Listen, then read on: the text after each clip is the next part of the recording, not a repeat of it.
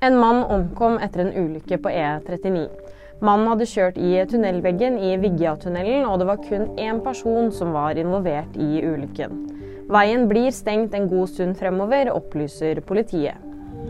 Det har vært kraftige eksplosjoner på Krim. Byen Feodosia på russisk-okkuperte Krim skal ha blitt angrepet av Ukraina fra luften.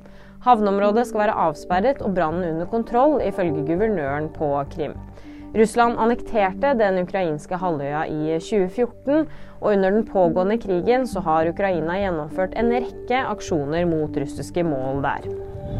Sikkerhetsvaktene på LaGuardia-flyplassen i New York fikk seg litt av et bleiesjokk i jula. De fant nemlig 17 patroner skjult i en babybleie. Det skriver nyhetsbyrået AP.